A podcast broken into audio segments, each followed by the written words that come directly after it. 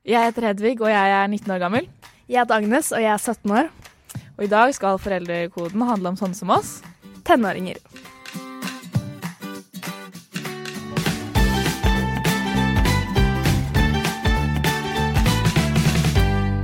Ja, du hørte altså Hedvig Montgomerys fornavnssøster og venninna Agnes innlede dagens episode.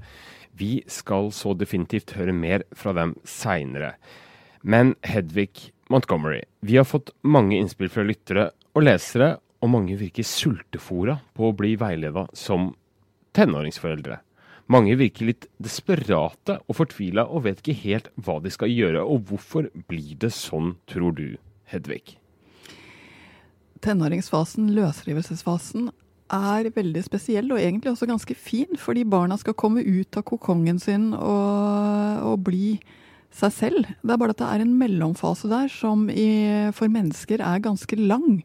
Og i den mellomfasen så treffer de kanskje det mest sårbare både i seg selv og i deg som forelder. Så vi skal ta for oss litt ulike faser i en ungdomstid, og så deretter så tenkte jeg at vi rett og slett skulle besvare noen konkrete spørsmål som vi har fått uh, fra foreldre i Facebook-gruppa vår Foreldrekoden primært. Høres det greit ut?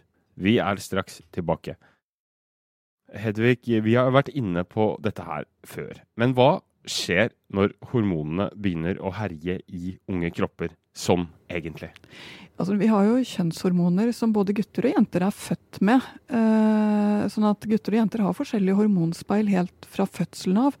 Men så skjer det noen ting på et eller annet tidspunkt hvor mengden økes opp til voksennivå, og det skjer ganske brått. En liten sånn eksplosjon? Ja, du kan godt kalle det. Men én ting er at det, det, skrus opp brått. En annen ting er at dette er jo første gang hjernen ser denne mengden kjønnshormoner. Eh, hjernen har ikke opplevd det før. Så det vi som voksne har blitt godt vant til å kjenne på, f.eks. hvordan testosteronet kan bruse når du blir sint som mann, og hvordan eh, humøret ditt svinger ned til en forbløffende lav rett før du får mensen når du er voksen kvinne, så er vi blitt vant til å leve med det, vant til å håndtere det. Eh, tenåringshjernen har ikke blitt vant til det, vet ikke at det går over. Det kjennes ut som det alltid kommer til å være sånn i det øyeblikket. Så det er nok både at, eh, at, det kommer så brått på, og at uh, hjernen ikke har rett og slett strategier for å håndtere det, som gjør at det blir så dramatiske humørsvingninger i, uh, i denne alderen på bakgrunn av hormonene. Hva slags andre utslag gir dette her sånn direkte lesbart for omgivelsene? eh, altså, nå skal vi være klar over at hormonene er én ting. Uh, og lenge så trodde vi at det var hormonene som var hovedårsaken til at tenåringer oppførte seg så annerledes. Eh, for jeg tror vi skal være klar over at tenåringsfasen er nettopp annerledes. Annerledes enn både fasen før og fasen etter. Eh, og vi ser det hos mennesker, absolutt. Eh, vi ser det hos dyr. Til og med rotter går igjennom en tenåringsfase. Det er bare den er så mye kortere. Ikke sant? Der er det snakk om et par dager. Uh, altså, de får rottekviser og, og sånn, eller? Ja, de blir moody. De blir plutselig mye mer aggressive. De trekker seg unna. Så vi ser faktisk den samme atferden også i dyreriket i akkurat denne korte fasen her. Og tenåringsfasen er jo også beskrevet helt tilbake til antikken. Så det er ingen tvil om at det er en fase som er distinkt, og som eh, finnes i alle kulturer og alle miljøer. Men hvordan forstår vi den? Hva handler det om? Uh, og først så var det rett og slett at ungdommen var uh, ubrukelig. At de ikke hadde lært seg nok. At de var uerfarne, som var forklaringen. Uh, så fikk vi på 50-tallet og fremover en periode med hormonforklaringer. Og på 70-tallet var det veldig forklaringen, universalforklaringen på ungdoms oppførsel var det hormonelle. Eh, nå har vi fått forskning som eh, viser at eh, det faktisk er enda mer som forklarer det. Nemlig at hjernen er i en utviklingsfase som er veldig sårbar. Hvor de ikke har så ferdige evner til å tenke som det vi har trodd. Vi trodde før at hjernen ble tidligere ferdig enn det den faktisk viser seg å bli. Så det som kobler seg sent på, Eh, er veldig viktige områder av hjernen. Er f.eks. Eh, risikovurdering. Eh, den er ikke fullt ferdig utviklet før du er i begynnelsen av 20-årene. Det siste som kobler seg på, det er områder i frontallappen som står for de mest finstemte vurderingene som vi mennesker kan gjøre. Eh, det er også der det ligger noen ting som heter eh, anterograd hukommelse, altså hvordan vi husker ting vi skal gjøre. Uh, ah, så det forklarer hvorfor ungdom kan oppfattes som sløve og mm. fjerne. Mm. Den, den, der å huske hva du skal gjøre-funksjonen, som er en veldig viktig del for å planlegge livet sitt og få ting til å skje på riktig måte til riktig tid, kommer også sent på plass.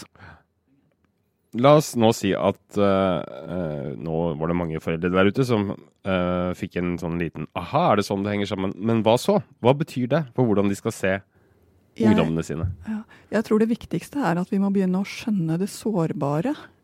En av de største tingene som vi har gjort mot ungdom, som jeg vet er urettferdig med det jeg vet om hjernens utvikling nå, det er at vi tenker at de gjør det mot oss. Altså at det handler om deg, at de glemmer ting. Eh, en annen ting som vi har gjort som er urettferdig, det er at vi tenker at det er vi som har vært dårlige oppdragere, som har ungdom som nå glemmer ting og nå får anmerkninger, når det faktisk ikke handler noen ting om oppdragelsen. Vi vet at det du har gitt av kunnskap, av uh, verdier, av uh, rettledning, kan godt gjemme seg litt i denne fasen. Men hvis du fortsetter, så kommer allting tilbake igjen i tripp trippelt monn om bare noen år.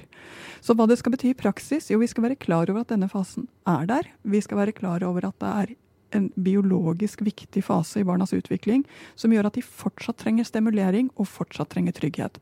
Fordi hjernens utvikling handler egentlig om to ting gjennom alle disse noen og tyve årene.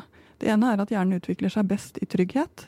Og det andre er at hjernen trenger stimulans for å utvikle seg på riktig måte. Den trenger rett og slett å bli strukket og brukt. Og her kan du si til meg men hvor mange 14-åringer har lyst til å strekke og bruke hjernen sin? Nettopp. Eh, og du kan si til meg jeg har jo sagt tusen ganger at mm, og allikevel så må du si det en gang til. Og det er helt sant. Du må endre din foreldrestil for å nå frem til en 13-åring og 14-åring og 15-åring og 16-åring og 17-åring og 18-åring faktisk også. Du må finne en ny måte å veilede på som gjør at du får lov til å lage den tryggheten som hjernen trenger. Velkommen til din nye heltidsjobb. Eh, men er det ikke sånn at de nærmest rent biologisk også endrer synet på deg som forelder? Fra å være en de på sitt beste da, eh, klynger seg til og koser med, nærmest får en slags forakt, eller sånn frastøting, hvis jeg forstår deg riktig? Jo, og dette er ganske søtt. Da må jeg faktisk avsløre her at min egen tiåring har nå undervisning om puberteten, og han syns det er veldig spennende. Men det var én ting som bekymret ham litt, og det var at læreren hadde sagt at i puberteten så likte ikke barna sine egne foreldre lenger. Og det kunne ikke han se for seg at det kommer til å skje. Det er søtt, og for meg som har uh, hatt uh, to tenåringer før, så vet jeg mm, Og det kommer til å skje. Uh, og jeg tror kanskje mer for ham enn for noen annen. Uh, ikke si det til ham. Uh, så hva som skjer for noen ting Jeg tenker av og til at ungdommen er nødt til å prøve å gjøre både sin verden og hele verden til et bedre sted enn det den var fra før. det ligger i hver generasjon, og dette syns jeg er litt vakkert. Å prøve å, å, finne nye løsninger og bedre løsninger enn forrige generasjon. Så det ene det fører til, det er uh, det er at uh, ungdommene syns at dine tanker, dine politiske syn, dine ideer rett og slett er dårlige. Og de legger merke til at det ikke er ordentlig utstyr på kjøkkenet, og de legger merke til at dere har en slamrete bil. og altså, Plutselig så legger de merke til alle feilene, alle de små tingene som du er blitt så vant til at du vet ikke engang at du har sløve kniver på kjøkkenet. Um, og det andre som skjer, det er at dette er jo en fase hvor ungdommene skal få en gradvis ta kontroll over sin egen seksualitet. Uh, gradvis skal finne ut av uh, hvem de liker, hva de liker, hvordan de liker det. Gradvis skal begynne å ta del i den delen av livet. Uh, og det er en ganske sårbar fase som eh, de bør utforske og utprøve med hverandre. Og jeg tror nok, altså Man kan undres på dette, men jeg tror nesten alle tenåringsforeldre kjenner seg igjen at fra å synes at uh, du er en helt ålreit person som har en kosete kropp og som det er fint å være nær, så blir det sånn åh, pappa, ta på deg mer, kan ikke gå sånn. Altså rett og slett, de får en avsmak for, eh, for din fysiske gamle fremtoning, selv når du har fått barn tidlig og fortsatt ser ganske bra ut, og i hvert fall syns det selv.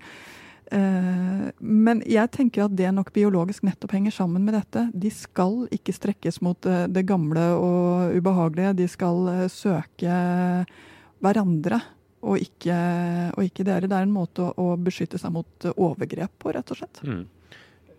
Apropos dette med klær og, å dekke seg til. Eh, det er ikke helt uvanlig at man begynner også Dette gjelder ikke alle, men at man begynner å tildekke seg Altså gå med litt store klær.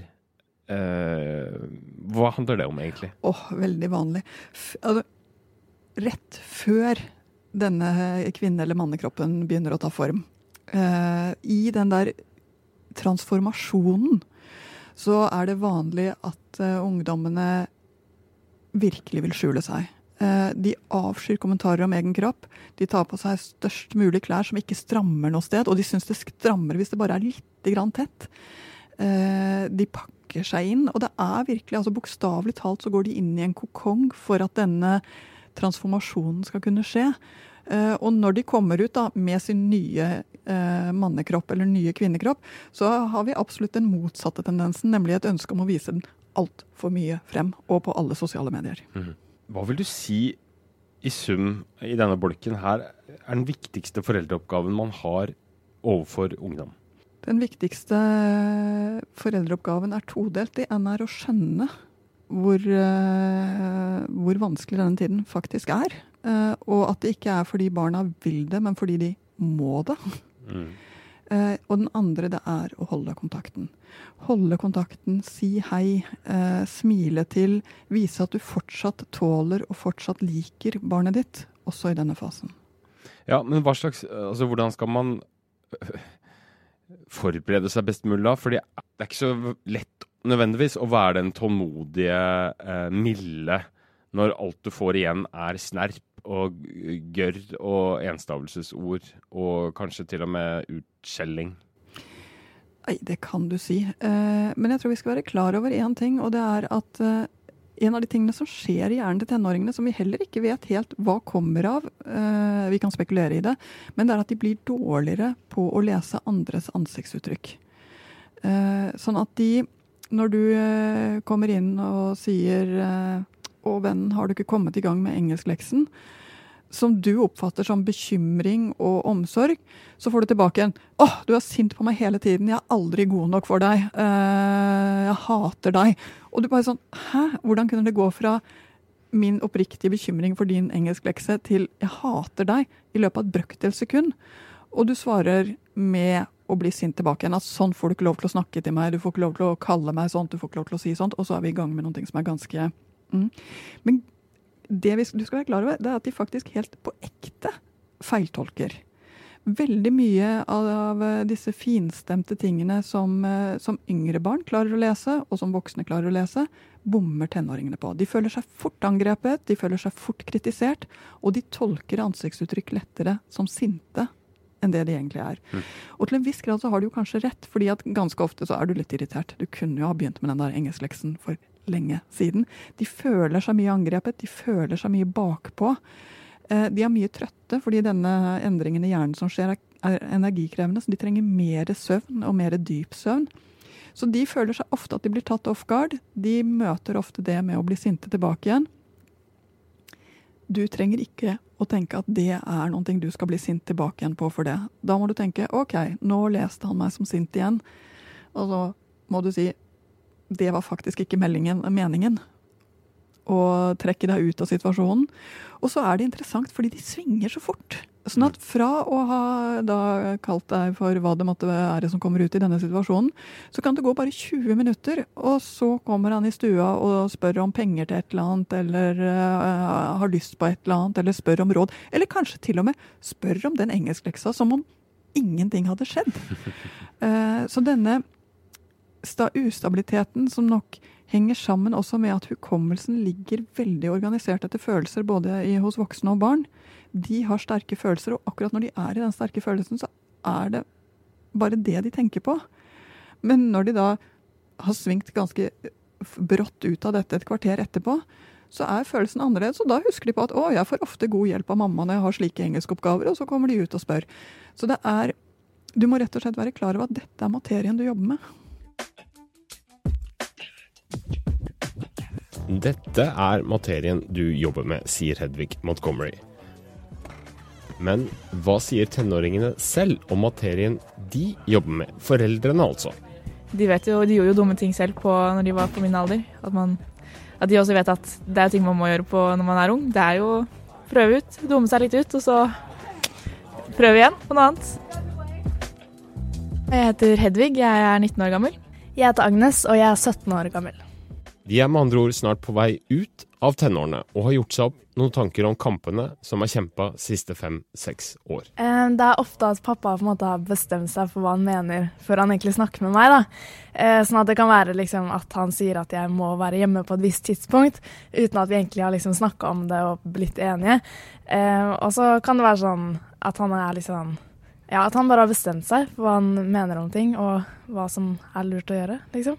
Og da kan jeg bli litt irritert, og så blir det på en måte ikke noe Det blir bare at jeg blir sur, da, og går, liksom, og så gidder vi ikke å snakke om det. Eh, og da, da blir han litt irritert på meg fordi vi liksom krangler, og så er det egentlig ikke noe å krangle om. Blant mine venner så ser jeg også de som har hatt strengere foreldre. Det er de som er flinkere til å lyve til foreldrene sine også, de som kanskje gjør mer ting de kanskje ikke burde ha gjort. da. Men så ser du også at noen igjen går til den andre siden, gir dem altfor mye frihet også, som også gjør at de kan ja, de føler at det ikke har noen grenser i det hele tatt. At de kan egentlig gjøre hva de vil. Så sånn sett så burde man jo passe på at man har en balanse da, som forelder. At man, hvor man én gir friheter til barna, at man kan stole på at de kan ta egne valg og dumme seg ut. Samtidig som det er litt grenser også, da, slik at de ikke gjør ja, altfor mye dumt også, da. Agnes, hvis du skulle beskrive den perfekte tenåringsforelder, hvordan ville han eller hun vært?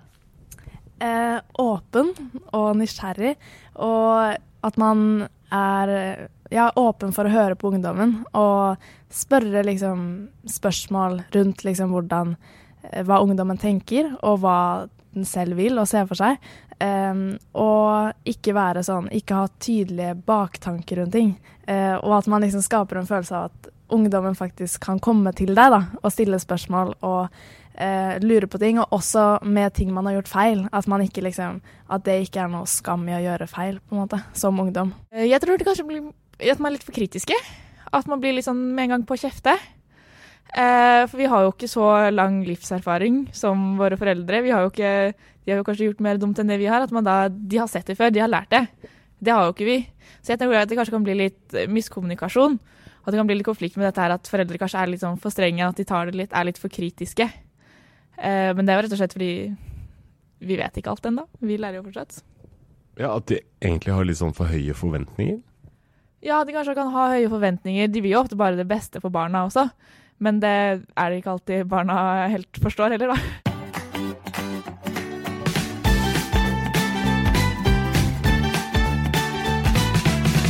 Ok, da skal vi ta for oss en del spørsmål vi har fått fra lyttere.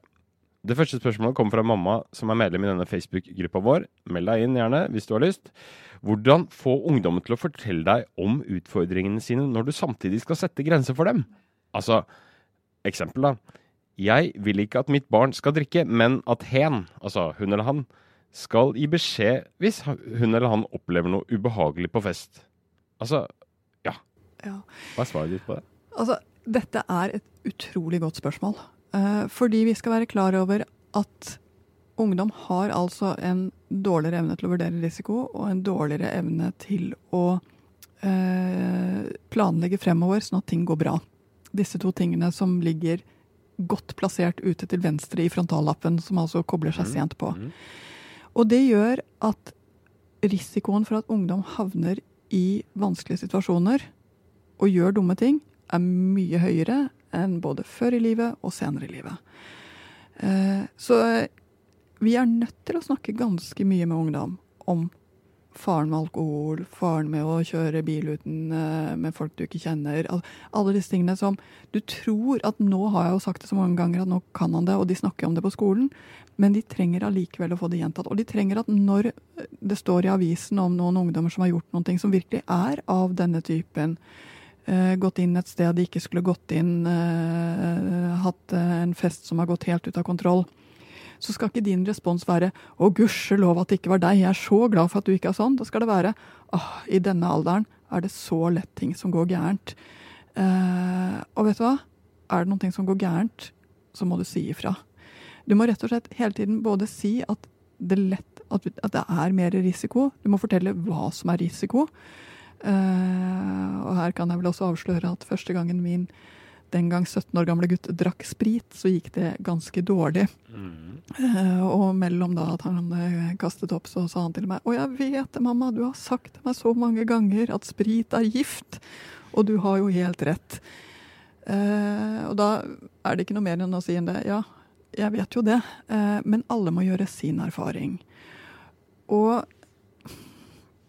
da gjelder det at den erfaringen ikke går helt galt. Vi er mer sikring enn det vi er noe annet i den alderen. Så hvordan snakke om det? Jo, nettopp ved å snakke om det. Snakk om det. Et spørsmål til her, da. Hva sier man til en sønn på 13 år som føler seg utenfor blant vennene sine? Han sier at han vet at andre er ute og henger sammen på fritida, men ingen som spør om han vil være med. Han er redd for å bli avvist hvis han tar kontakt, og velger heller å bli hjemme, sier denne mammaen, som avslører naturlig nok at dette river i mammahjertet. Å oh, ja. Jeg tror det er få ting som er så vondt som uh, i våre dager som at barna ikke har venner. Uh, skambelagt også, nesten? Ja, skambelagt. Det er, liksom, det er i hvert fall tegnet på at alt er bra, det er at barna har mange venner. Og så viser det seg to ting. Det ene er at eh, barn og ungdom er like forskjellige som oss voksne. Noen er ute og surfer og knekker lett vennekoden. Andre tar det mye lengre tid for, og de trenger færre venner. Jeg tror nok, for å si én ting til denne mammaen først, det er at det er nok ikke sant at de andre er ute og har det kjempegøy mye. Det er veldig vanlig at gutter i denne alderen eh, trekker seg inn i seg selv. Eh, Freud omtalte den gode gamle Sigmund Freud omtalte det som latensfasen. Mm. Eh, hvor guttene satte seg inn på rommet sitt og leste, som de gjorde den gangen. Eh, I min ungdom så leste de Donald. Eh, så, så, og det syntes jo foreldrene var så dypt som man kunne synke. Nå setter de seg inn på rommet og spiller spill. Eh, vanligvis. men det er veldig mange som i denne fasen ikke helt har knokket koden for det sosiale. Kanskje ikke helt vet om de ønsker det heller. mange føler seg avvist uten at det egentlig er så mye som skjer. Men jeg tror det beste rådet til foreldre her er faktisk at du skal fortsatt lage et ålreit hjem for barnet ditt. Vise at dere drikker den kakaoen og har det koselig sammen, og at dere kan uh, kjøre den turen og prate sammen.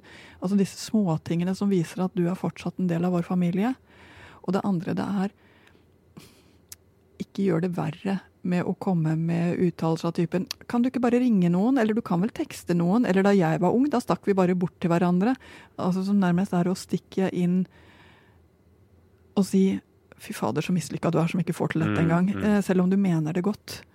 Eh, de finner ut av det. Eh, late bloomers er en ganske stor andel hos spesielt gutter, men også hos jenter. Altså de som sent finner ut av dette sosiale og sent kommer inn i dansen det går faktisk like bra med dem som alle andre.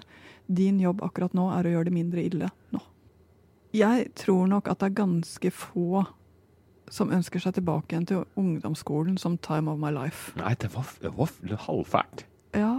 Jeg tror det er mange som kjenner på at det der der, det var vanskelig å vite. Hvem er jeg, hvem skal jeg være med, hvem passer jeg med? Eh, vil de være sammen med meg? Er jeg bra nok? Kommer jeg til å bli til noen ting? Eh, og jeg, det ligger rett og slett i denne tidens natur å være usikker. Det ligger i denne tidens natur å være i tvil og være redd. Eh, jeg tror at vi som foreldre, når vi er så opptatt av at det skal være bra hele tiden, så kommer vi rett og slett til en vegg av umulighet når vi kommer opp i tenårene. Fordi da kan det ikke være bra hele tiden. Det må være vondt.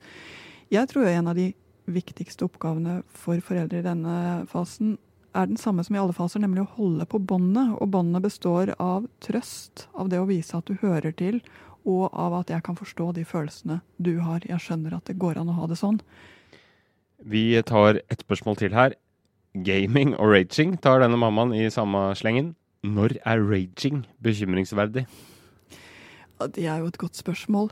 Eh, og jeg vet faktisk ikke engang om jeg har noe svar på det. Eh, jeg, når jeg er inne i familier hvor det går over styr, hvor ting blir ødelagt, hvor barna går fysisk løs på foreldrene sine, så ser jeg jo at det har blitt et skjedd noen ting i dette samspillet mellom foreldre og barn, eh, hvor foreldrene er blitt så redde for at det skal skje, at de nesten utløser det selv, eller de går til så kraftig til motangrep at de forsterker det. Eh, kjenner dere at dere tipper på en iskant, eh, altså at det er skummelt hele tiden, eh, og at når dere mister kontroll, så blir det farlig, så må dere rett og slett søke eh, kontakt. Det er dyktige veiledere å snakke med både på skolen, i barnevernet og på helsestasjonen i kommunen som har vært borti ungdommer før, og akkurat dette samspillet. Fordi når det blir bekymringsfullt, så er det fordi det er noe i samspillet som tipper. Mm. Ikke fordi det nødvendigvis er noe galt i ungdommen. Siste spørsmål. Hvordan håndterer man at de blir rappkjefta og svarer uhøflig tilbake når man ber dem om å gjøre noe? Ja, når ungdommer sier ting, bare vær klar over hvor det kommer fra. Det kommer ikke ut fra en nøye vurdering. Og eh, hva når mine egne sier ting til meg som jeg absolutt syns er over kanten selv, av, eh, og jeg har kanskje litt lav terskel for det, hva jeg syns er ille. Men da tenker jeg vel rett og slett gjennom bare et sånn brøkdel av et sekund. Da tenker jeg, er det sant? Er jeg f.eks. Ja, disse ordene som Ja. de kan, eh, som jeg bruker veldig ugjerne selv. Og så kom jeg frem til at nei, akkurat det har jeg jo faktisk aldri tatt penger for. Eh, mye annet man kan si om meg. Så da tenker jeg bare ja ja, nå er den der, og så går jeg ut. Eh, jeg velger nok eh, å ta det veldig lite personlig. Eh, og hvis det er sant at jeg er altfor streng, har gått altfor langt i å kontrollere ikke, og invadert privatlivet, så tenker jeg faktisk ja, det var det bra at jeg fikk en melding på. Så jeg gjør rett og slett en grovsortering. Er dette en tilbakemelding som er eh, noen ting å forholde seg til? Eller er det en tilbakemelding som bare er å la skyte bokstavelig talt under mål? Ja. Eh, og hvis det er det siste, så er jeg jo ikke blitt truffet. Da er det ingen grunn til å fortsette med det. Jeg må prosessere veldig raskt, da, hvis du skal eh, Må prosessere veldig raskt. Eh, men jeg tror at det, du skal være forsiktig med å ta fornærmelser fra ungdommer personlig. Du skal unngå å tenke at det er så himla godt gjennomtenkt, fordi det er det stort sett ikke.